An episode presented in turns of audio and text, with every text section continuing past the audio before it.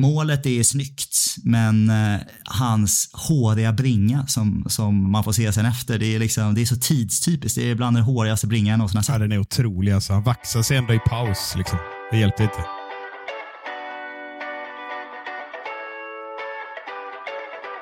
Can Manchester United score? They always score.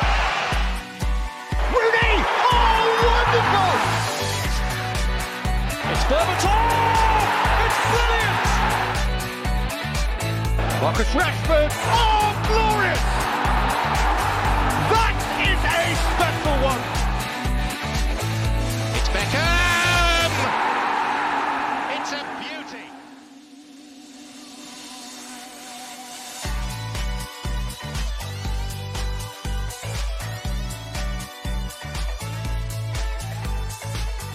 Känn er varmt välkomna till ett nytt avsnitt av United-podden. Podcasten som du inte visste att du längtade efter. United-podden görs i ett stolt samarbete med både den officiella supporterklubben MUS och United-redaktionen på Svenska fans. United har vunnit och lagt händerna på den så anrika tredjeplatsen i tabellen och vi närmar oss säsongens sista drabbning där skitstövlarna från andra sidan staden väntar i fa Cup-finalen på Wembley. Det ska vi såklart gå igenom för fulla muggar i veckans avsnitt.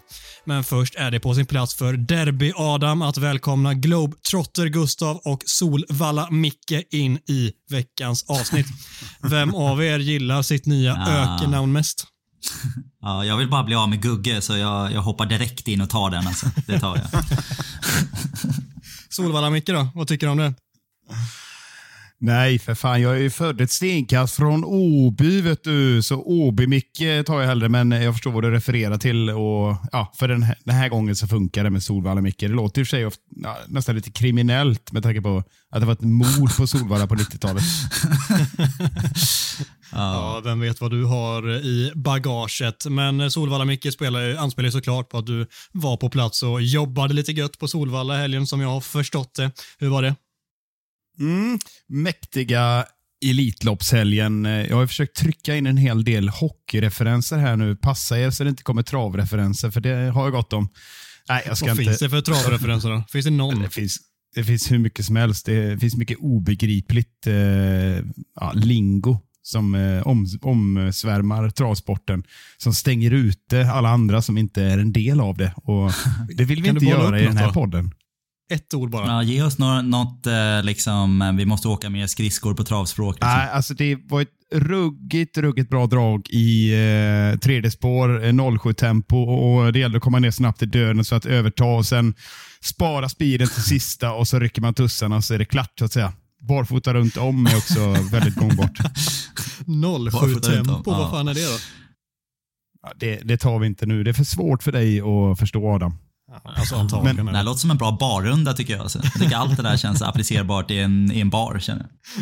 Ja, alltså hela Solvalla var ju faktiskt en enda stor bar under helgen här, så att du är inte långt ifrån Gustav. Ja, Jag kan tänka mig. Dricker man mycket galopp? Ja, inte så mycket galopp utan mer eh, gallon. ja, det är fint. Internationellt. Ja, det får man säga. Ja, stora öl. Ett, ett år tog faktiskt ölen slut på Solvalla. Nu pratar vi alltså fatölen då. Det var, det var katastrof, men det är finnarna som kommer, ungefär 3000 till antalet. Och de, de gillar öl, så att, eh, det brukar ta slut. Ja, förvånande. Ja, nog om mig. Eh, jag är mer sugen på Globetrotter-Gugge här.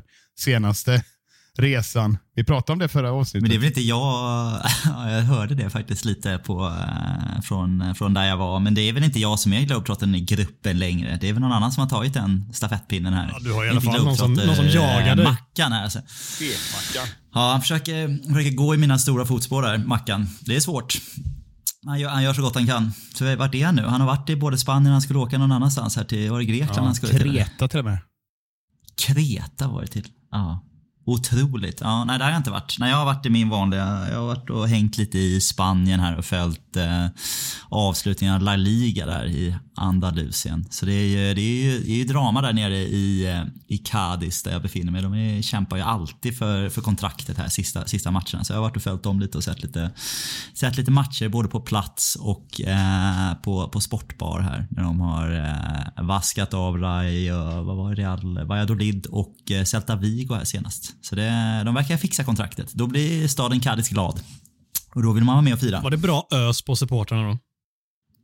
Otroligt faktiskt. Skämt åsido så var det fantastisk jävla fanbase för ett lag som har sån, i alla fall från, från min historia, så dålig, liksom, jag vet inte, dålig karaktär. Man känner man ingen koll på dem alls. Eller ingen historia. Eller de har liksom dykt upp i La Liga här senaste åren bara. Men de är de är en ganska fin underdog med väldigt, väldigt hängivna supportrar som är, är ödmjuka och är extremt glada bara att få ett år till i La Liga. Liksom. Det är stort för dem som klubb. Och då, då samlas alla, alla bakom klubben. Så det var, nej, där ödmjukt ställer jag mig och applåderar Cadiz-fansen. Det ska de ha.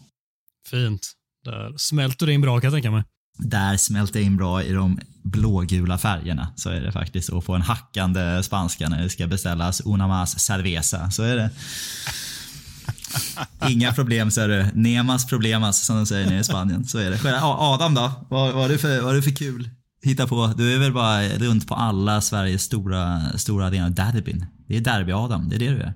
Ja, det var därför jag valde att eh, självmynta mitt eget smeknamn där till eh, Derby-Adam. För det är fan med mycket derby just nu. Igår var det Häcken Blåvitt på Bravida Arena. På torsdag är det Gais ÖIS i originalderbyt och så är det ju såklart eh, United City i helgen som är ytterligare ett derby. Så det är ett hattrick i derbyn den här veckan. Otrolig derbyvecka. Du smyger in på Wembley, du tar ett flyg över dagen bara och så bevakar du lite snabbt.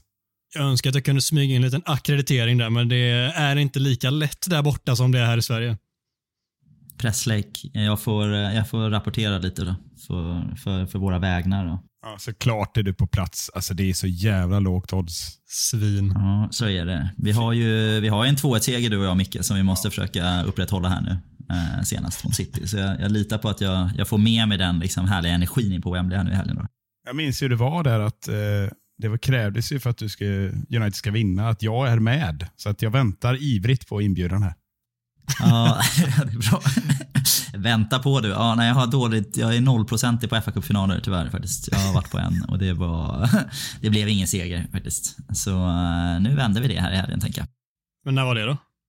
Mm, jag försöker plocka året nu, men det var en Chelsea-förlust här va. Vad kan det vara? Just det, jag kan inte ens plocka 17, vilken fan tränare. Mourinho. Mourinho 17, i alla fall. En riktig jävla skitmatch alltså. Mm. 1-0 förlust tror jag det var. Eh, det var ingen vidare faktiskt. Ja, det, glömmer det. det glömmer vi och så hoppas vi på bättre utdelning den här gången.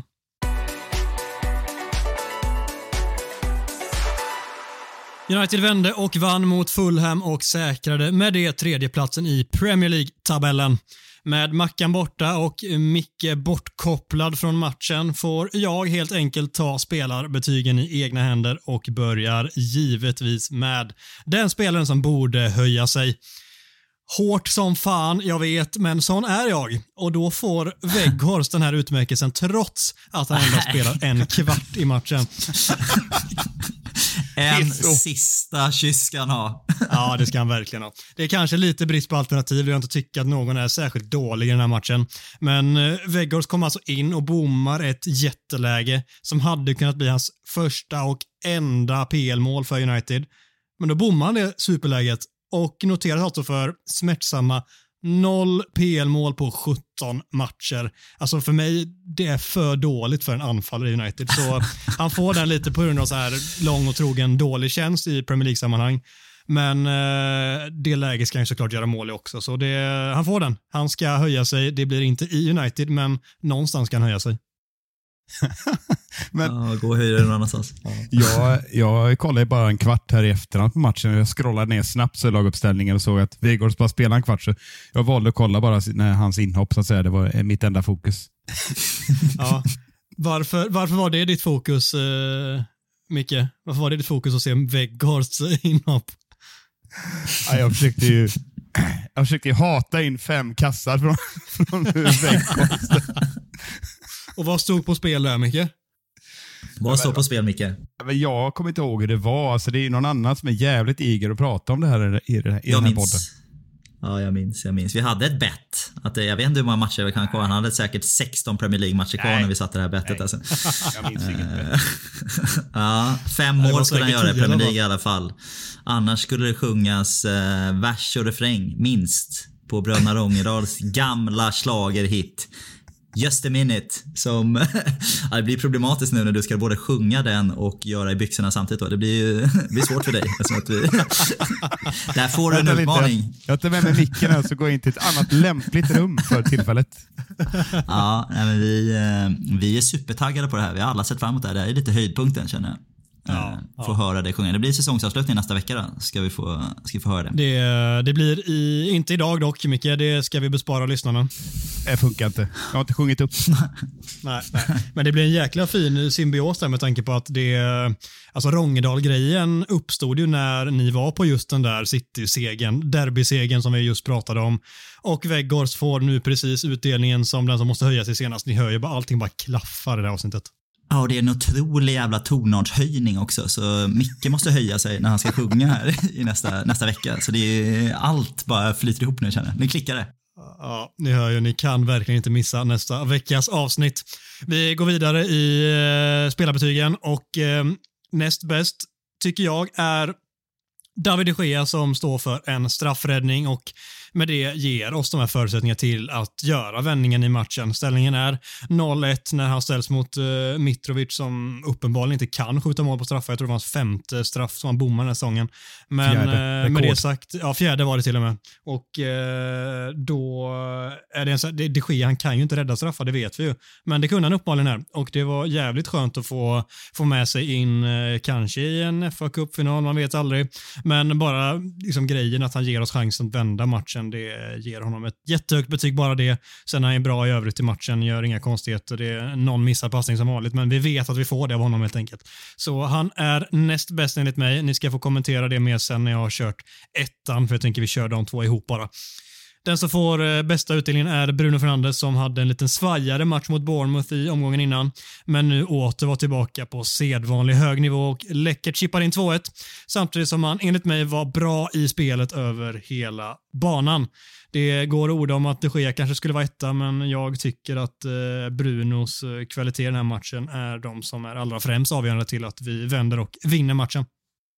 Ja, alltså, som sagt, jag har ju bara, då, ska vi erkänna för lyssnarna, sett eh, sammandrag eh, och målen vevas om och om igen och noterar ju det och sen såg jag lite grann i inledningen. Men Fred, eh, två assist och framförallt den andra till Bruno bör väl nämnas i det här. Jag har ingen invändning. Eh, med det klassmålet så ska Bruno ha det och sen Sen eh, rapporteras han bra i övrigt och jag litar på ditt ord Adam. Men Fred eh, vill jag bara flagga upp här att eh, Ja, han kan ha spelat till sig en startplats till helgen, man vet aldrig. Mm, kanske. Han, eh, han var den främsta bubblaren ska sägas Fred, men eh, han fick inte plats idag. Nej, Fred ska alltid flaggas upp tycker jag. Men jag blir glad. eh, Jag gillar David de Gea.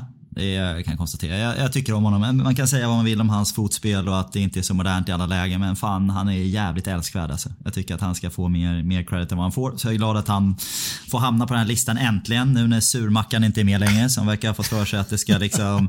Mål, målvakter ska aldrig få hamna på, på bra utmärkelser oavsett hur bra han är. Så det är väl härligt att liksom, programledaren kan gå in och styra upp det här nu. Adam. Så det, nu tycker jag om dig också då liksom. Eftersom att du, du ger en shout-out till de Gea. Otrolig eh, VBA, veckans bajs-Adam.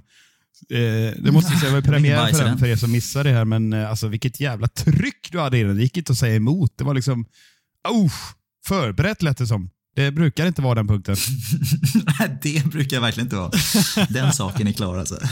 Uh, Mackan inleder ju alltid med att säga oh, eh, jag tar den på uppstås här då, men eh, Vilka var det vi mötte nu? Var det Bournemouth? Livsfarligt att missa inspelningar alltså. Ja.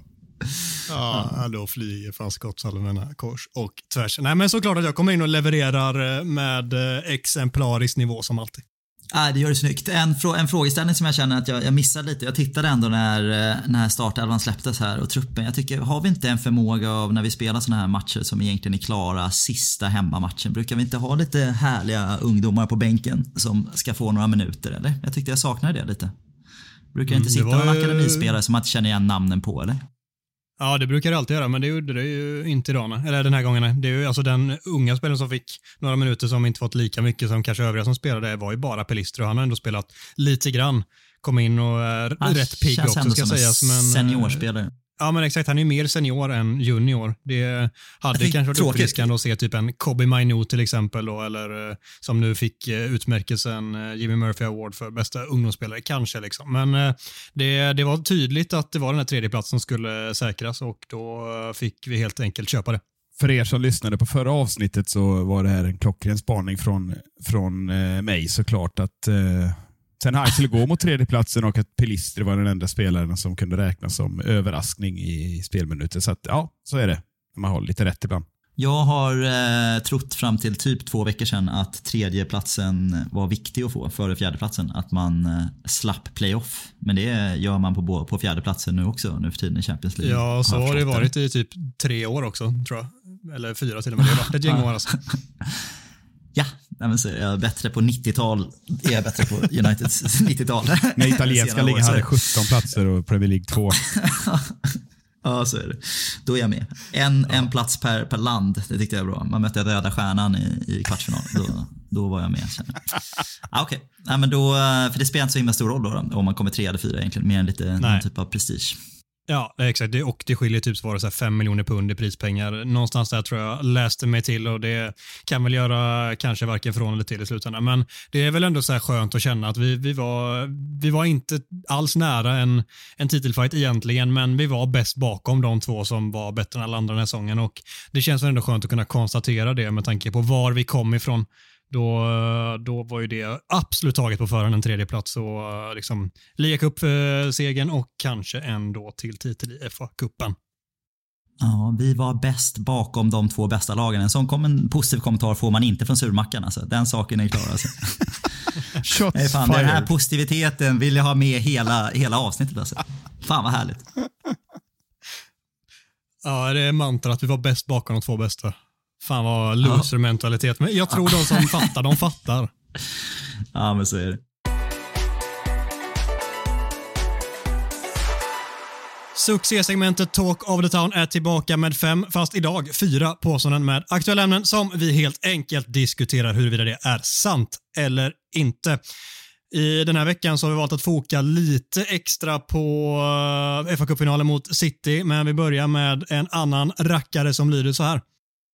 Edwin van der Sar kommer att ersätta Richard Arnold när de nya ägarna är på plats. Och för lite kontext, så, eh, för de som har missat det, så är det helt enkelt så att Edwin van der Sar har valt att lämna Ajax efter x antal år där och eh, ska nu ta det lite lugnt och fokusera på det privata livet en liten period. Eh, det var väl typ det orden han sa. Men öppnar det för en roll i United? Vad tror du, Gustav? Jag hoppas ju verkligen på det. Det känns som en dröm, drömvärvning tycker jag, att få in en, eh, en van der Sar som har gjort ett jävla toppenjobb med att bygga det här Ajax under, under en lång, lång tid nu. Så det hade ju varit, det hade varit grymt. Uh, nu känns det väl lite som att det är någon sån här hierarki i, eh, i att fylla ut platserna här i United. Och först kanske vi ska reda ut uh, vart pengarna ska komma ifrån och vem som ska äga den här klubben innan, innan nästa steg. Jag tror Kommer det in Qatarägare här, tvi, tvi, tvi säger jag och hoppas att det inte blir det, så uh, misstänker jag att de kanske har egna sportsliga planer på hur de hade tänkt ha VD och ledning och att det kanske inte är liksom bottom-up från att fortsätta bygga på den här Ajax-strukturen utan att det kanske kommer komma någonting annat. Eh, en Ratcliffe eh, hoppas vi på, eh, eller hoppas jag på i alla fall. Och då känns det kanske lite närmare till hands än, än van de Sar. Men det känns väl väldigt, väldigt osäkert innan vi har ägar, ägarfrågan klar, klar. Men det här öppnar i alla fall upp och jag tror att det det hade varit en väldigt bra fit tror jag. Både alltså rent eh, karaktärsmässigt, kompetensmässigt och eftersom att han har jobbat med Ten Hag eh, och Ten Hags filosofi förut så känns det som ett, alltså, en ypperlig, ett ypperligt tillfälle. Så jag hoppas på det. Ja, om han själv är redo, eh, att liksom inte han känner sig på något sätt utbränd eller vad det nu handlar om, så tycker jag det är bara att köra. Och eh, jag håller med dig, jag tror också att så här, blir det Ratcliffe så då tror jag fan i mig att det blir så till och med. Men blir det Qatarägarna så är jag inte alls lika säker som du eh, säger. Så det blir väl tvåeggat svar från oss båda låter det som. Vad, vad säger du Micke? Du har väl en annan åsikt eller tankegång här? Vi har ju pratat om det här tidigare och bland annat det fanns ett rykte inför säsongen, givetvis, när, när Ten Hag eh, kom. Så var det inget osannolikt rykte som, eh, som eh, rullade ut och då, då sa jag direkt att det här är en perfect match. Att jag har inget att tillägga mot det Gustav var inne på. Det är exakt det som krävs. Klubbhjärta, klubbbyggar-aura och väloljat samarbete med Ten Hag. Jag menar, de tre argumenten räcker väldigt långt. Sen har jag ingen aning om ni spekulerar kring vilken ägare som kommer in och vilken struktur. Vad då ska det vara saudier som är sportchef och vd då, eller vad tänker ni? Nej, men mer att de kanske gör en PSG, PSG-grej, liksom där de eh, mer plockar in lite, vad ska man säga, exotika, ex, mer exotiska namn som en Leonardo som kom in där. Alltså att det blir den typen av satsning snarare än att gå all in eh, Ajax-modellen som eh, inte känns, utan att ha, känna dem såklart på något sätt eller ha någon koll på hur de ser på fotboll, så är, magkänslan är att de ser lite liknande som eh, saudierna och att det blir en annan typ av modell i så fall än eh, den mer europeiska som eh, Nederländerna och Ajax står för. Jag ber om ursäkt, ursäkt till alla saudiska och katariska lyssnare. Naturligtvis mina katarier. Eh, man ska inte blanda ihop dem. Det är som Sverige och Schweiz ungefär. Eller kanske inte, jag vet inte. Nej, bra. Vem fan vet. Men eh, med det sagt Micke, du tror du att van der Sar kommer att ersätta Richard Arnold när nya ägaren är på plats? Det kommer han att göra. Jag är helt övertygad. Vi kan väl, eh, jag hör att du vill stänga, men jag tänker att Richard Arnold sitter löst till. Det kan vi konstatera. det är det jag, bygg, det, är det jag Han- bygger på.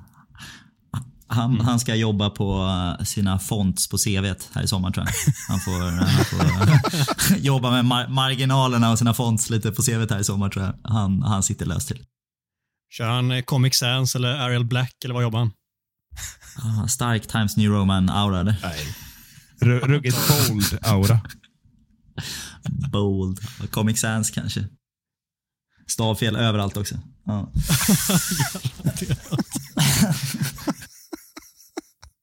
Han har Har extrem inte- särskrivning. har inte kan man ju typ inte särskriva engelska. Har inte Ja, autokorrekt spelling på datorn. Nej, sure. Ja, tack för allt, Arnold. Han skriver i anteckningar. det finns inget sånt. Notepads. De jävla röda strecken hela tiden. För jävla skit. Kör Notepad istället. Ja. Behöver du något eh, Microsoft-program program till din dator Arnold? Nej, det räcker med Notepad. Okej, och Notepad. Ja, ah, fy fan alltså. Ja, vi går vidare. Fembackslinje är ett självklart val på lördag. Det har Micke de här tankarna kring. Ja, det är ju Mackan som har skickat in det här och han är ju så negativ och destruktiv på alla sätt och vis. Och kommer dragandes med en trött jävla fembackslinje. Nja, då säger jag så här. Vi har ju slagit dem eh, 4-2-3-1. Eh, ja, bland annat när jag och Gustav var på plats då. Eh, ja, gick ju bra. Jag minns att Solskär har slagit dem någon gång utan fembackslinje också. Eh, de kom ju ingenstans, upplevde i alla fall jag, även om de hade bollen på Old Trafford. Och det laget som United presenterade då, jag vet inte om ni minns, men det är inte omöjligt att det kan bli i stort sett samma lag som vi ställer på benen. Men eh, ja, lite snabbt riva av eh, Fambisaka, Varan, Shaw och Malassia var i backlinjen. Malassia för övrigt riktigt bra i den matchen. Och så var ju Casemiro och Fred bildade mittfält. Fernandes, Eriksen och Rashford. Eh, Martial började från start men gick ut i halvtid och ersattes av ja, eh, Anthony. Men det, det, min poäng är att eh, jag tror inte det blir en, en trebackslinje för visst, även om eh, City är i bättre form och de har bytt ett spelsystem eller slussat in det 3-2-4-1 system då med, med Stones som någon slags falsk eh, sittande mittfältare och sådär. Så, och de, framförallt är de ju bättre än de var i januari, men min känsla är ju att det finns en hel del frågetecken i laget som vi kommer gå in på sen, eh, som gör att det inte är säkert att han kan ställa upp med sin preferred 11. Och då eh, skulle jag säga att det är helt fel taktik att möta det här City-laget med en fembackslinje. Jag tycker det här, jag tycker det här är svårt. Alltså. Det, vi kan konstatera att eh, City spelar bra fotboll eh, bitvis. Tuffa, tuffa möten, så vi vet ju vad vi, vad vi möter här. Och jag ska ärligt liksom egentligen bara sträcka upp armen och säga fan, jag, jag vet inte. hur, hur fan, hur, hur, får man stopp på det här City liksom? Ska man spela man mot man eller ska man spela zonförsvar eller ska man spela fembackar eller ska man spela en fyrbackslinje liksom? Jag, jag har ingen aning liksom. Jag tror att i, i slutändan så är det här, ja, nu kommer en riktig sån här svensk tränarklyscha, lek med siffror. Alltså. Den, eh, den får du mycket i intervjupoddarna. Eh, men det är jag tror att det liksom handlar om hur spelarna individuellt presterar. Att det, det handlar väldigt mycket om individuella prestationer. Att vi, jag tror system, systemen finns där. Jag tror inte att vi kommer gå bort oss spelsystemmässigt utan att det handlar mer om hur individuellt spelarna klarar av att ta beslut när det väl, när det väl gäller. Eh, så jag, jag, är lite så ambivalent för om en, om en trebackslinje skulle på något sätt göra oss tryggare än fem. Det känns ju alltid som så här. Jag var gammal Sankt Erikscupstränare över ett gäng, eh, gäng 16-åringar som inte var så bra. De var inte så bra och det var alltid så här, man började varje match med, med 4-4-2 och sen så såg man efter två minuter hur jävla mycket bättre våra motståndare var och så direkt gick man ner på fembackslinjen och tänkte att nu är det bara att hålla ner siffrorna. Alltså. Och det blev ju inte mycket bättre av det liksom. Så jag tror att det, eh, jag vet inte om det hjälper att man har så många fler fler spelare på, på alla ytor hela tiden. Men jag tror att det handlar mer om hur vi Ja, hur, hur våra spelare tar, tar sig an den här uppgiften och än mer om jag ska vara krass så att inte hamna så mycket i huvudet av hur man ska reaktivt ta hand om sitt utan faktiskt vad vi proaktivt ska göra med bollen när vi har den själva. För att faktum är, och vi kommer komma in på det, kanske prata mer om styrkor och svagheter i lagen, att eh, Citys svagheter är bak i planen. Så är man, är man där mycket så, och utnyttjar de ytorna så kan man straffa dem. Det har många lag gjort. Det kan även United göra, men om man liksom lämnar ifrån sig bollinnehavet lite Real Madrid-style här och ger dem 81% bollinnehav och kryper ner med någon sexbackslinje så då kommer det ju smälla liksom. Så jag tror att det handlar, jag är mer intresserad av vad vi gör med bollen själva än hur vi, hur vi försvarar. Så jag vet inte riktigt vad jag svarade där. Jag tror faktiskt att mitt svar blir, jag vet inte. faktiskt. Det blir mitt första talk of the town. Jag vet inte Adam. Eh, ärligt och avklätt. Det var eh, oväntat men uppfriskande.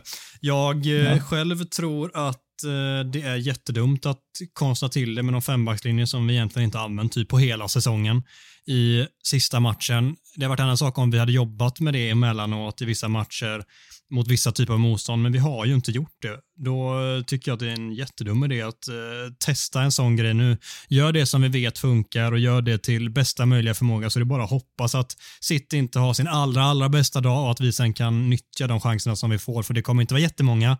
Men är det så att vi är effektiva på de lägena så kan vi absolut kanske lyckas ta ledningen, sätter lite spöken i huvudet på vissa City-spelare och sen så har vi matchen precis dit vi vill ha den. Så min eh, tydliga väg är att vi kör vidare på inkört spår och eh, som Gustav säger, det är väldigt mycket upp till individuella prestationer därifrån också. Att de är på sitt absoluta max i den här sista matchen för säsongen. Jag skulle vilja lägga till en sak innan vi springer vidare. Att eh, Guardiolas mål hela tiden med den här uppställningen har ju varit att få fem, eh, alltså fem linjer i anfallsspelet. De här fyra offensiva mittfältarna och eh, Haaland. Då. Och det är jättesvårt att försvara sig om du inte har en fembackslinje. Många lag i Premier League gör det enkelt för sig. De ställer upp med fem gubbar som mer eller mindre markerar eh, de fem offensiva spelarna. Problemet med det är att då kommer det en eh, löpning från Gündogan eller Rodri till och med. Eh, och Framförallt så kan de etablera ett sånt hårt tryck som håller fast och återvinner bollen. Alltså, jag tror United istället, som, som du är inne på Gustav, eh, Casemiro och Fred eller vem det nu är som kommer spela, eh, lite mer defensivt bredvid Casemiro. Eh, får ju ta jobbet ner och hjälpa eh, ytterbackar och, eh, och mittbackar. Annars kommer det aldrig att gå. Eh, och De måste göra en bra match. För jag, Det vi har sett är att våra yttrar har haft problem att komma ner och hjälpa yttrarna. Det krävs ju också naturligtvis, men jag är helt inne på som du säger att man dynamiskt liksom Eh, blockerar City eh, centralt och låter dem ha bollen på kanterna. Det är liksom enda sättet, förutom Kevin De Bruyne då, som inte får ha bollen. Så det är jättemycket för att piska den in något jävla inlägg till roboten och så, ja ni vet. Men det, det, jag tror absolut inte på skyttegravar. Då, då blir det tufft. Om Erling Haaland och Anthony Martial hade bytt lag hade United varit favorit inför finalen. Varning för hypotes känner jag. Det är mycket som ska klicka, klicka där för att man ska känna sig helt trygg i det. Det är klart om man bara byter mål, målskörden mot varandra och säger att vi får de där 52 målen och Marcials, jag vet inte vad han har gjort, fyra, så, så säger, väl det, säger väl det en del liksom. Han kanske har gjort mer än fyra, ni får hjälpa mig där ute. Men, ja, han är nog uppe på 10 totalt, men eh, det är ju ja, en bit ifrån.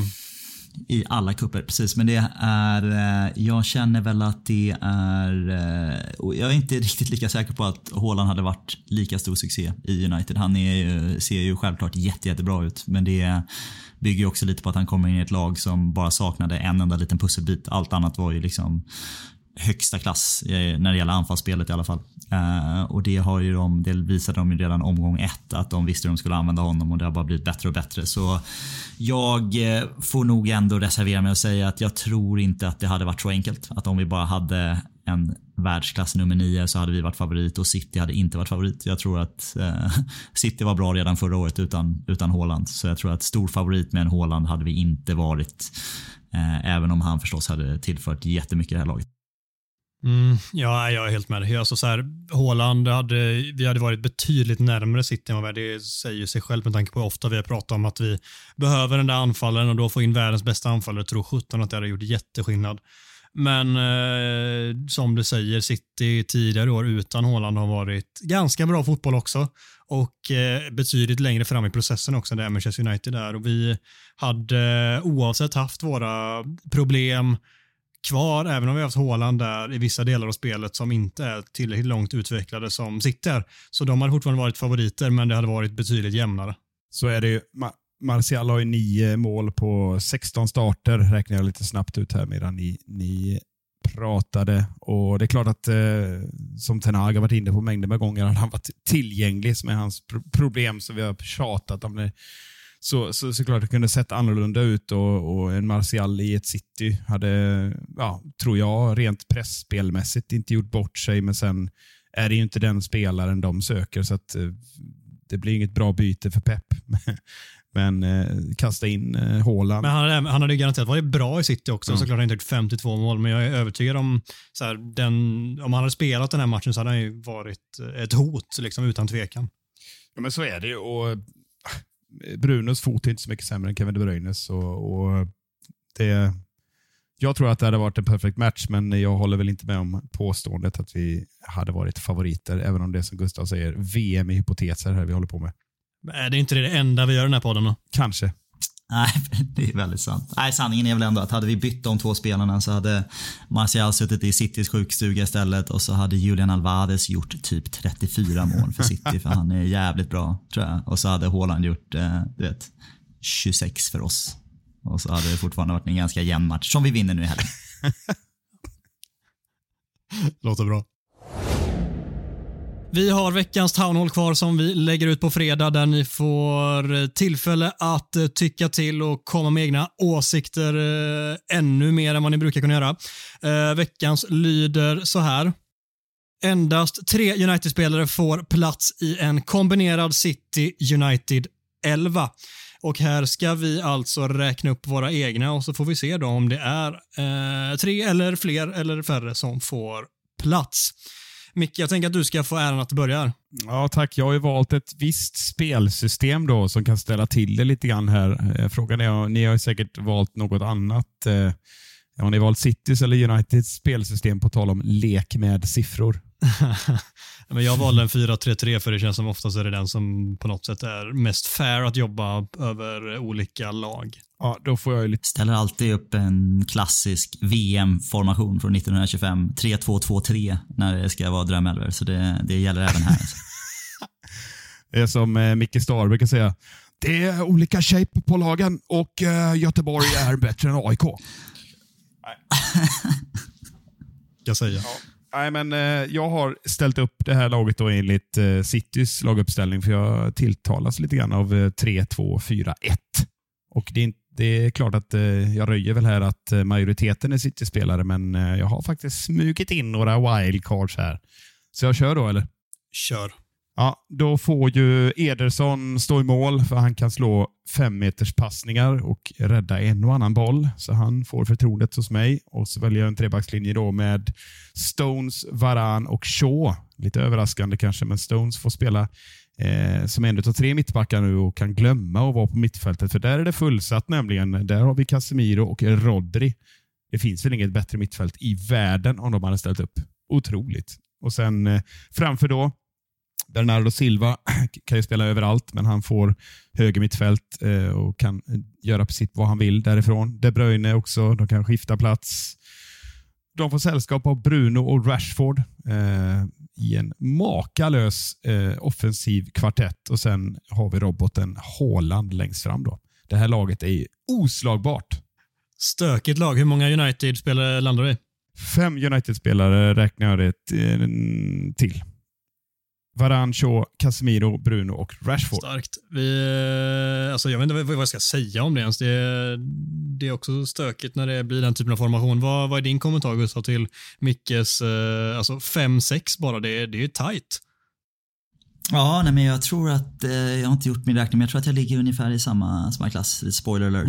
Eh, fast med annan, annan formation faktiskt. Så jag tror, där är han inte ute och cyklar tror jag. Det, och jag känner väl, vi ska väl gå igenom alla älvorna, men jag tror att det finns ju ett par namn här som är så givna så det går inte ens att diskutera. Men det är väl ett par positioner där man kan vi, vrida och vända och väga lite liksom. Och där har vi väl gjort lite olika beslut kanske. Men jag är, jag är lite sugen på att höra din, eh, din elva Adam. Kan du inte, mm. inte ge oss? Yes, jag har en 4-3-3 då som sagt. Där har jag Ederson i mål. I fyrbackslinjen har jag Walker, Diaz, Lisandro Martinez och Shaw. Så där har vi eh, hälften, hälften i backlinjen då från eh, röda och blåa delen av Manchester. Eh, sen har jag en defensiv mittfältare och då står det mellan Rodri och eh, Casemiro. Där är det enligt mig ligans bästa defensiva mittfältare och ligans näst bästa defensiva mittfältare. Och eh, då får tyvärr valet landa på Rodri som jag tycker är snäppet bättre än Casemiro, tyvärr. Framför blir det eh, Kevin De Bruyne och Bruno Fernandes. Och sen har vi en anfallstrio med Bernardo Silva, Erling Haaland och Marcus Rashford, vilket alltså innebär fyra stycken United-spelare. Och eh, alltså så här, det finns ju, det är jättetajt mellan Rodri och Casemiro. Det är väldigt tajt också mellan Gündogan och Bruno, för Gündogan är fan med en helt otrolig fotbollsspelare tycker jag. Men eh, då väljer mitt röda hjärta såklart Bruno Fernandes. Men eh, jag får helt enkelt stryka på foten när det kommer till Casemiro och Rodri där jag eh, tycker att Rodri är en helt sinnessjukt bra fotbollsspelare. Det är svårt att inte hålla med dig. Jag tror att om jag hade fått välja med de två så är nog Rodri nog bästa, bästa mittfältaren i världen just nu på den positionen. Ja. Så det, det är svårt att inte hålla med där tror jag. Du ska få avsluta med din 11, Gustav. Vad har du för formation då i slutändan? Ja, jag får göra det. Men jag kör alltid som jag säger, när jag kör, eh, kör såna här älvor, då ska det vara den gamla WM-formationen från 1920-talet. Eh, som användes så flitigt av Herbert Chapman i Arsenal som en reaktion till de nya offside-reglerna som släpptes 1925. Va, då är det, så det är alltså tre backar, två defensiva mittfältare, två offensiva mittfältare och sen tre anfallare. Så det ser ut som ett dubbel-VM eh, när, man, när man skriver upp det på, alltså det, blir, det blir en liten sån här eh, hipster 3-4-3 egentligen. Men det, det tycker jag passar ganska bra. Det är inte så jävla, vi skrattar men det är inte så jävla långt ifrån vad City 3-2-4-1 egentligen. Om man leker med de siffrorna så är det ju nästan ett 3-2-2-3. Eh, med två, två yttrar där uppe. Eh, så så är Så jag börjar bakifrån förstås. Eh, målvakter. Så ja, jag väljer ändå de Gea före, före Ederson. Eh, mest för att jag gillar de Gea väldigt mycket men också väldigt mycket för att jag inte gillar målvakter med tatueringar. Eh, så där, där åker Ederson ut. Framförallt halstatueringar med en smiley på eller? Ja, det är, är bland det, det värsta jag vet. Alltså. Det är inte okej. Okay. Så det är liksom odiskutabelt att de Gea står, står mellan stolparna och han är en bättre shotstopper än Ederson. Uh, så uh, det behöver vi inte skämmas för att ha en United-målvakt där bak. Sen går vi fram till en trebackslinje då. Eh, då har vi Varann, tycker jag är självklart given. Luke Shaw, även från United. Och sen så tar jag Ruben Diaz first zone, så jag tycker att Diaz har varit väldigt, väldigt bra. Alltså otroligt bra. Jag tror att det hade varit en grym jävla backlinje de tre. Martinez och Kyle Walker är väl nära i mitt, mitt tycke före Stones också, men eh, Varan, Diaz och Shaw. Mittfältet tror jag fick från, eller de två defensiva mittfältarna fick jag från dig Adam också. Nej, du körde en. Just det, men Casemiro och Rodri då, eftersom att jag har två. Eh, det är inte så mycket att snacka om där tror jag. Alla är överens om att de är de två bästa defensiva mittfältarna. Sen då har vi två offensiva mittfältare och sen tre anfallare. Så av de två offensiva mittfältarna så blir det ljusblått tyvärr för mig. De Bruyne förstås, är ingen som, som diskuterar det. Jag säger även Gündogan. Eh, ingen av er nämner honom men jag tycker att han är sjukt bra alltså. Jag har gillat honom sen Dortmund-tiden. Jag tycker han är fantastisk. Jag vet att det... Jag nämnde faktiskt honom, det måste jag faktiskt säga in här. Nu eh, far du med osanningar. Ja, det är sant. Ja, det är sant. Han, äh, men jag tycker det gör ont att säga att han går före Bruno, men jag, det är en kärlek jag haft innan Manchester City, redan i Dortmund. tycker jag han är otroligt bra spelare. Alltså. Så jag, och har gjort en väldigt, väldigt bra säsong. Så i, i nuläget så tycker jag han går lite före Bruno. Och sen har vi tre på topp och det är ja, det är nog nästan rakt kopierat. Va? Du har Bernardo Silva till höger, Rashford till vänster. Sen har vi den där nian där, han har stått och vägt då, då. Fram och tillbaka, fram och tillbaka. Ja, och så man försöker titta Weghorst. på alla jävla parametrar. Ja, så är det liksom. Du vet, Weghorst, Haaland, Weghorst, Haaland. Så titta, men sen så tittar jag ändå på statistiken och i slutändan så är det väl de här 50 målen mer som Haaland gör som jag känner liksom, som går i hans fördel då liksom. Så det får väl bli det liksom. Men annars känner jag att det är lite hugget som stucket. Så det blir ändå, vi sätter Haaland som nia då. Ja, det, jag köper det valet även om det är tight. Vad landar ja. du i för antal United-spelare då i slutändan?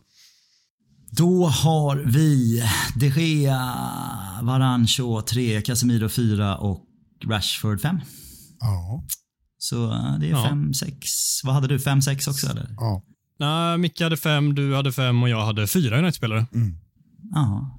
Som vi mythbustade den där uh, Talk of the Town-punkten då. Var det tre mm. stycken? Sa vi det? Det, ja, ja. det stämmer inte. Den ägde vi helt enkelt. Ja, man kan väl säga att eh, den generella bilden, opinionen totalt sett eh, jobbar nog kanske mer 80-20 eller 70-30. Nu blir det konstigt med presenten här. Du får hjälpa mig då Gustav. Jag kan inte köra 100%. 80-30. ja, nej, men skämt åsido. Nej, men de flesta har pillar nog kanske max in liksom Rashford eh, och kanske någon, eh, någon back. Liksom. Det, men det, det, det jag liksom skulle vilja ha lite mer förklaring hur ni tänker där. För jag har ju tänkt lite komponeringar här i laget, så spelartyper ska passa ihop och sådär. Jag tänker att Varan leder ju min backlinje och Stones är ju en helt fantastisk spelare både med fötter och farlig på fasta. Och sen Shaw säger ju allt. Liksom. Han är ju otroligt mångsidig, så den backlinjen går ut att slå. Ni ska ha in massa Diaz och vad är det mer för skit ni hade inne? du hade Kyle Walker, du hade en fyrbackslinje. Ja, de hade inte det. Jag hade Kyle Walker och eh, Ruben Diaz och så var det Lisandro Martinez och Shaw i min backlinje också. Uh, flytta om det helt där. Nej, jag körde ju nästan samma. Det var samma tank. Varann och Shaw, inget snack om saken. Och så väljer jag Diaz före Stones. Jag gillar inte Gillar inte Stones. Gillar inte engelska mittbackar generellt just nu tror jag. Det var liksom, de har inte varit charmiga sen Rio Ferdinand slutade spela fotboll. Ja, det, det, kan du ha en poäng med. Jag tycker Stones är väl den charmigaste engelska mittbacken eh, sen Rio då. Oh, ja, det är liksom ha, having the best teeth in Britain. Men, men, det var detta vi landade. Kom jättegärna in och tyck till kära lyssnare så ser vi om ni har fler eller färre United-spelare i era elvor.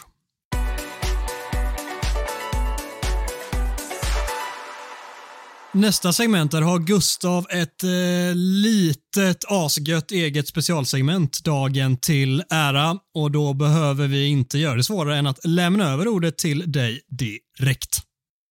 Vi gör så va. Det är, jag har suttit på flygplatser här och, och, tänkt lite, lite måste man jobba. Jag är ju väldigt frälst i FA-cupen. Alltså. Jag älskar FA-cupen. Fotbolls-VM och FA-cupen är mina två favorit, favoritkupper när de inte läggs i Qatar. Uh, så det, jag kände ändå att vi måste lyfta upp lite, lite FA-cup historia här. Uh, så jag tänker att vi börjar där. För det är ändå faktiskt världens äldsta fotbollscup som vi pratar om här, FA-cupen. Första upplagan spelades redan 1871. 1871. Då var Roy Hodgson bara åtta år gammal. eh, otroligt. Skulle sannolikt börja tvåan på någon skola i södra London, i Croydon där. Eh, otroligt alltså. Vad är han nu då? 153? Ta den snabbt. Där någonstans är han va? Det ser ut så i alla fall. Så länge sedan var det i alla fall va. Men det första, första upplagan, då var det bara 15 lag som var med. Finalen mellan Royal Engineers och Wanderers vanns av Wanderers med 1-0. Wanderers la sen ner verksamheten 1883, som finns inte längre. United var ju inte med då förstås i första upplagan 1871. Eh, varför inte det, Micke? Eh, hette inte United eller fanns inte?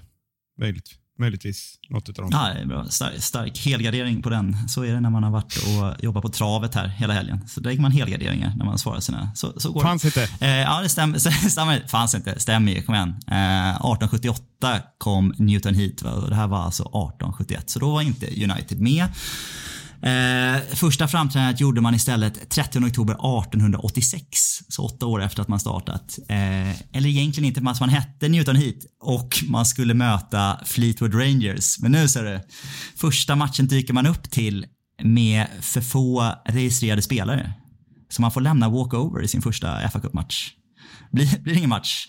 Så de spelar istället en träningsmatch för de har ändå dykt upp spelarna men det blir ingen, det blir ingen cupmatch. 2-2 slutar träningsmatchen. Ni som minns minns men det blev ingen fa match eh, Och sen, så, sen så väntar man. en 17-årig Roy Hodgson också. Ja. ja, det är bra faktiskt. Där är, du, där är du vass. Där får du tre plus för. Alltså. Ja, det är bra. Eh, Men sen så väntar man faktiskt fyra år. Det var, man hade väl svårt att få till papperna där med registreringar innan man skulle försöka ett försök igen då, då med rätt registrerade spelare. Så då dök man upp eh, och mötte Preston North End som ni som minns, som är ett, ett lag som vann väldigt mycket engelska titlar i början. Så man förlorade direkt. Första riktiga fa Cup-matchen förlorade man då med 6-1 mot Preston North End. Men ett fall framåt då, man spelade i alla fall matchen. Så sen så tittar vi framåt några år till, till första finalen. Då är vi 1909. Då man slog Bristol City med 1-0 i Crystal Palace i London. Eh, Så det var startskottet för att bli Englands i dagsläget näst bästa fa Cup-klubb. Man har ju vunnit 12 titlar totalt. Fem av dessa har Sir Alex Ferguson tagit. Och sen har vi en sen dess också som vi kommer prata lite här. Vilka är det som är bäst fa Cup, FA Cup-lag i England? Arsenal tyvärr. Det är Arsenal tyvärr va? 14 tror jag va? Eh, så det är, väl, eh, det är väl det vi har att brottas med. Men en United-seger här så är vi väl bara en titel ifrån då kanske. Jag tror det. Eller i alla fall i närheten. Eh, så, så där har vi det och med det tänkte jag lämna över till mig själv. Eh, en liten övergång, en liten segway till mig själv där. Men jag då går igenom mina fem favoritögonblick från FA Cup. Så jag är väldigt, väldigt subjektiv. Trumvirvel. Ja, nej, grabbar, ni, grabbar, gå och ta paus ni. Jag kör. Jag kör. Uh, nej, så jag tänkte, jag har, jag har fem stycken fa Cup-ögonblick som för mig personligen då, då har betytt lite extra. Och det blir från uh, från eh, min, min livstid då, för att det ska funka och det är faktiskt lite omedvetet här så har det, det blir liksom i kronologisk ordning eh, från senast fram till ett av mina första minnen här. Så vi, vi börjar så helt enkelt. Eh, det första minnet femte plats kallar vi hemmasonens Apex moment. Så ett Apex moment är alltså toppen av hans karriär. Så vi är då final 2016 och det här är alltså senast vi vann FA-cupen. Eh, vi har ju faktiskt trots stor dominans här under de senaste tre decennierna inte vunnit FA-cupen så många gånger som man kan tro.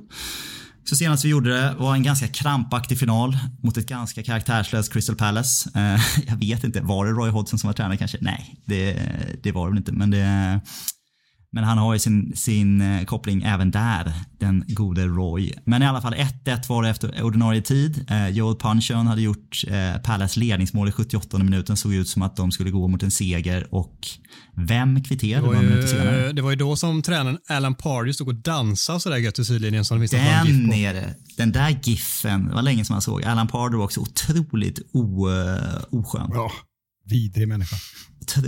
Vidrig på alla sätt alltså. Så vem var det som eh, fick honom att sätta pimsen i halsen då? Några minuter senare och kvittera till 1-1. på. Eh, kan det varit Rooney? Nej, Mata var det. Juan Mata var det. Snyggt. Den tar vi Snyggt faktiskt. quiz, Adam. Eh, den plockar han. Eh, så sen rakt in i övertid blir det då. 10 minuter kvar i övertiden så dyker han då alltså upp. Allas vår fina akademispelare. Det enda jag tänker på när jag ser Jesse Lingard är den här bilden på honom med någon sån här oversized United-tröja när han kan. Han kan inte vara mer än typ fyra år eller någonting. Liksom. Och det är ändå det är värre med ändå. Så det är ändå han som dyker upp. Antonio Valencia har bollen på högerkanten och gör en sån här klassisk enfotad högerfotsdribbling. Liksom, där man bara känner det finns bara ett håll han kan gå. Och sen så slår han ännu ett av sina tusendes liksom, chansartade inlägg rakt in i boxen. Liksom. Eh, och någon boll som liksom studsar ut till Jesse som med någon otrolig jävla reflex alltså, drar till med en sån här perfekt höger utsida vrist stenhårt rätt upp i krysset bakom det lite lätt konjaksklingande Hennessy i målet där i, Palace. Otroligt ändå alltså. Ja, Så magiskt. det, så det är ändå Ja, fint tycker jag. 2-1 och så är det den gode Louis van Gaal som får en titel innan han han blev väl uppsagd om det inte dagen efter. Ja. Eh, eller i alla fall där i Det kom, ja, det Eh, kom ju rapporter redan på kvällen om jag inte missminner mig att han skulle få lämna. Liksom. Det var så, eller hur? Så det är ju lite otacksamt kanske, men det var väl kanske lika bra. Så det, eh, men han fick sin titel i alla fall. Så det var vår senaste fa Cup-titel. Vidare till en fjärde plats då, eh, på mina favorit fa Cup-ögonblick. Då har vi någonting jag kallar ett ovanligt självsäkert Fergie-statement. Då drar vi tillbaks klockan till 2004. Vi är i Wales på Millennium Stadium då nya Wembley fortfarande är tre år bort.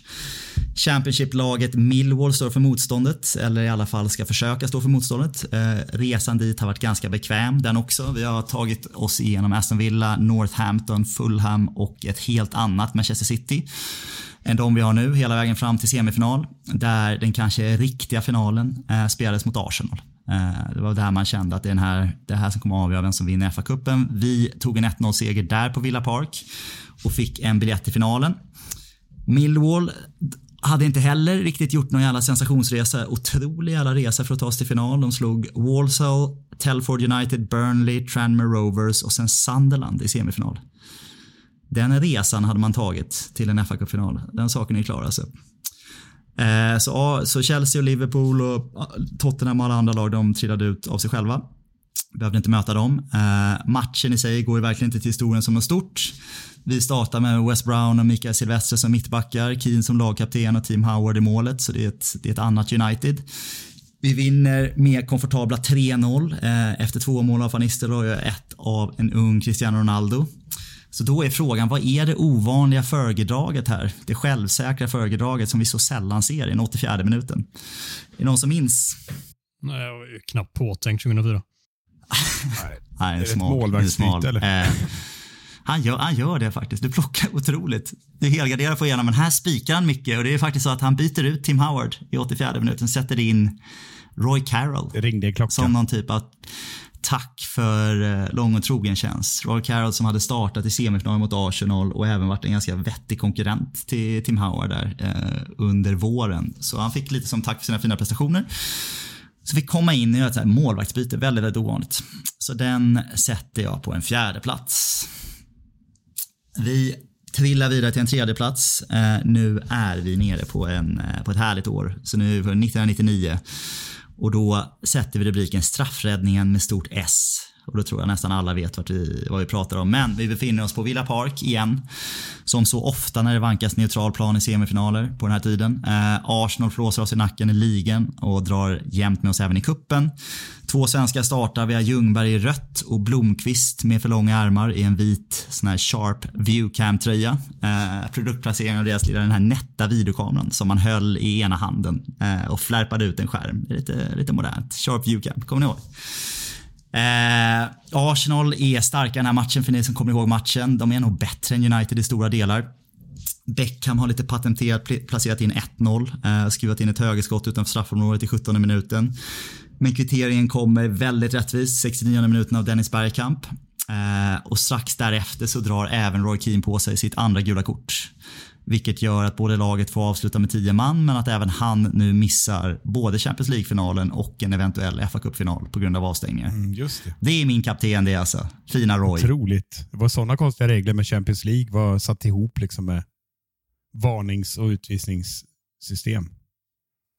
Det var, nej han fick ju separata Ja, så gula kort det, ja. där i, i Europa och så fick han sitt Ja, röda så kort mot ja. Arsenal. det Så det är han, både- både Juventus och Arsenal. Men, men ändå, det är Roy Keane i ett jävla nötskal. Alltså, som var han.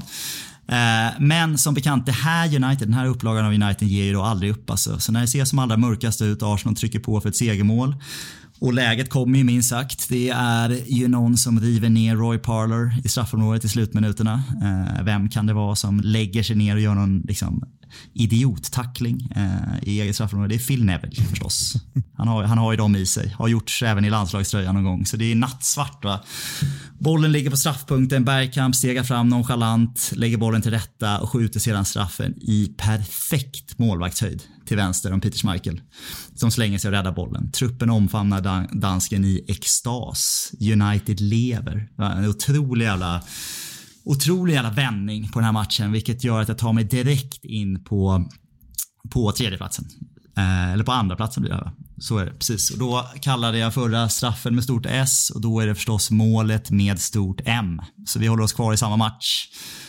Eh, vi är nu på övertid. Vi har tagit oss fram till den 109 minuten. Patrik Vera slår en huvudlös diagonal passning rätt över banan till ingen röd tröja. Utan till Ryan Giggs som snappar upp den på egen planhalva. Och det här är ett lustigt, lustigt mål tycker jag. Det ser liksom inte riktigt ut som något läge. Lite likt när Diego Maradona dribblade igenom halva England 1986. Liksom, spelarna bara faller och viker sig åt alla håll utan att han riktigt, utan att riktigt störa bollhållaren. Så plötsligt har Giggs hittat en lucka mellan Tony Adams och Lee Dixon, tagit sig till ett skottläge i straffområdet och pang säger det bara rätt upp i nättaket bakom David Seaman när han stänker dit matchvinnaren och tar oss vidare till FA-cupfinalen. Målet är snyggt, men eh, hans håriga bringa som, Ja. som man får se sen efter, det är, liksom, det är så tidstypiskt. Det är bland den hårigaste bringan jag någonsin har sett. Ja, den är som, otrolig. eh, Alltså. Han vaxar sig ändå i paus. Liksom.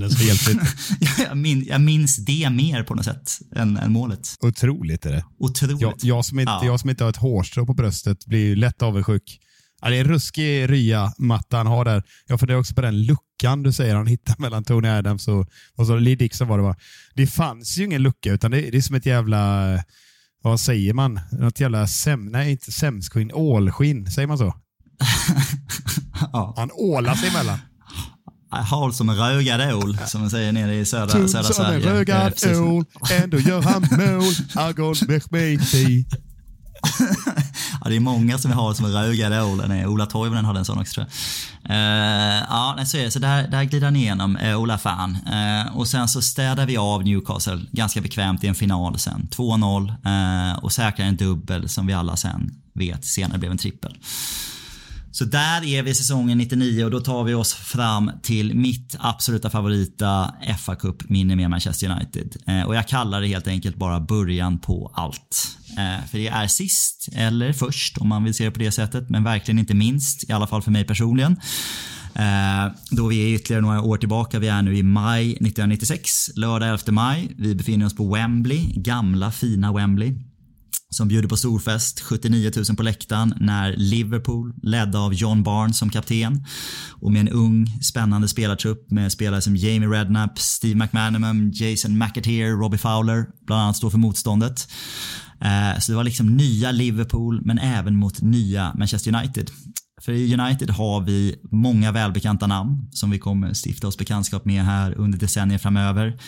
Men inte riktigt lika välbekanta tröjnummer. Vi har 19 Nicky Butt, 20 Gary Neville, 22 Paul Scholes, 23 Phil Neville och 24 David Beckham. Eh, det är den här tiden innan, innan de har tagit sina riktiga nummer. Så startelvan ser ut så här. Vi har Schmeichel bak i mål. Irving får spela högerback. Eh, Pallister och David May i mitten för att man vill ha Phil Neville på vänsterbacken istället för att ha Gary Neville i startelvan som får sitta på bänken. Ett mittfält med Beckham, Keane, Butt och Giggs. Det var alltså en tid när Nicky Butt gick före Paul Scholes som en kreativ offensiv mittfältare i United. Eh, och sen så har man Erik Cantona lite bakom en Andy Cole på topp.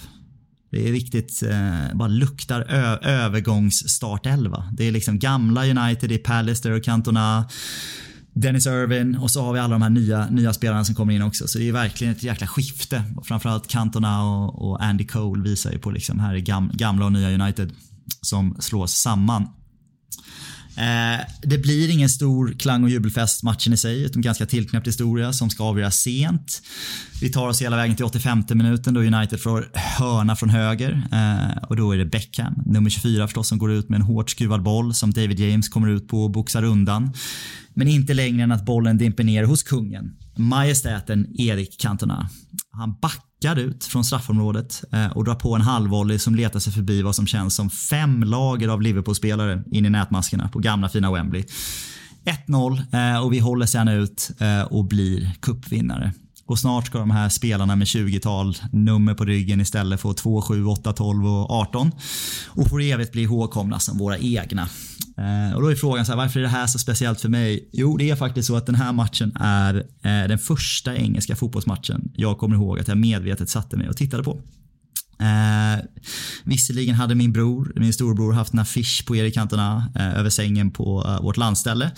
Så det hjälpte nog till, men det här var första gången jag bestämde mig att nu ska jag sitta ner och titta på en fotbollsmatch som jag var sugen att se på och det var här jag bestämde mig vilket lag jag skulle heja på. Eh, så det är, när jag såg det här United ledda av Cantona och de här unga talangfulla spelarna, hur de såg upp till honom och deras energi så kände jag att det här, det här ska vara mitt lag. Och så blev det snabbt. Souvenirer, inspelade matcher på VS-kassetter och drömmar om att få åka till Old Trafford översköljde en hel barndom efter det här sen. Så därför är det här den matchen som är mitt absolut bästa fa Cup-minne. Otroligt minne. Där har vi det. Snyggt. Så är det. Ja, det är ju exemplariskt det betyget du får från mig. Micke Martinsson, du ska dela ut ett plusbetyg. Vad landar vi på den här gången? Ja, det är fan uppe på starka 4 plus. Han kan aldrig vara 5 plus, Kulle, men 4 Ah, plus bra. han fan ha för detta. Otroligt. Håll mig på tårna, håll mig på tårna. Har ni några, har ni några fina fa Cup-minnen själva då, som ni känner? Eller någonting som ni blir extra varma av att tänka på? Jag hugger först och det är ju 99 för mig. Det är ju det är klart starkaste. Sen, sen var det ju helt underbart med Jesse Lingards träff. Det är egentligen det jag har i färskt i minnet. Så om man ska vara riktig. Jag kommer inte ihåg den här 96-matchen. För jag såg den förmodligen inte. Eh, men eh, jag höll ju likväl på United och noterade att vi slog vidriga Liverpool. Men eh, det är de, här, de två, 99 och 16, som jag minns starkast. Mm. Tveklöst är det Lingards avgörande som smäller högt för mig som är lite yngre än er också och inte fått se lika många finaler och den eh, är ju den senaste fa Cup-titeln som du nämnde tidigare men den var eh, så här, när man tittar tillbaka på det är en av de eh, titlarna som vi har tagit. Det, vi har inte tagit jättemånga post Fergie men av de vi har tagit så är det en av de som smäller allra, allra högst för mig och den den har så jäkla mycket och att det är just Linkard som får göra det målet, det, det, det smäller ruck, alltså riktigt, riktigt högt för min del. Mm. Ryckte han tröjan? Det är inte riktigt samma effekt som när Ryan Giggs rycker tröjan. Lingard är mer som mig. han gjorde ju det, men det var Nej, inte det- samma effekt. Nej. Där hade man velat ha en riktigt hårig bringa på Jesse Lingard för att det ska bli ett 5 plus eh, minne. Alltså, så är det. Ja, ja, så är det verkligen. Tusen tack för det Gustav, det var ett eh, jävla supersegment. Vi ska börja avrunda, men innan dess så måste vi kolla, har vi en sista motståndarkoll för säsongen? Ja, nej, men jag, jag åker på den. Liksom. Jag tänker jag kör, jag kör lite snabbt. Så här. Jag tänker, vi har pratat ganska mycket City. Så, så här ser jag på, på City. Då. Så vi har, om vi tittar på plussidan på City, så bra, bra spelare. Eh, har de. Bra, bra tränare har de. Eh, och sen så även spelar bitvis otroligt bra fotboll. Eh, det har de. Sen på, på minussidan ska jag säga att 100 brott mot Premier Leagues finansiella regler på grund av sportswashing. 115, från en- annars får du den från eh, till och med Österdal. nästan 100. Så ja, precis. 115 brott då. Eh, sportswashing från en ägare med bristande respekt för mänskliga rättigheter. Och det är väl det lilla, lilla minuset då kanske man kan känna på, på City. När jag tittar på, på City, skämt åsido, jag kan respektera spelare, jag kan respektera tränare och sättet de spelar fotboll på nu är jätteimponerande på alla sätt. Men jag har ändå liksom samma känsla för, sorry Adam för en gammal referens igen, men det är som att titta på Salt Lake City OS när Johan Mühlegg åker skidor. Att det är en jävla, man kan beundras vad fort det går alltså. Det går riktigt fort. Han är bättre än alla andra just nu.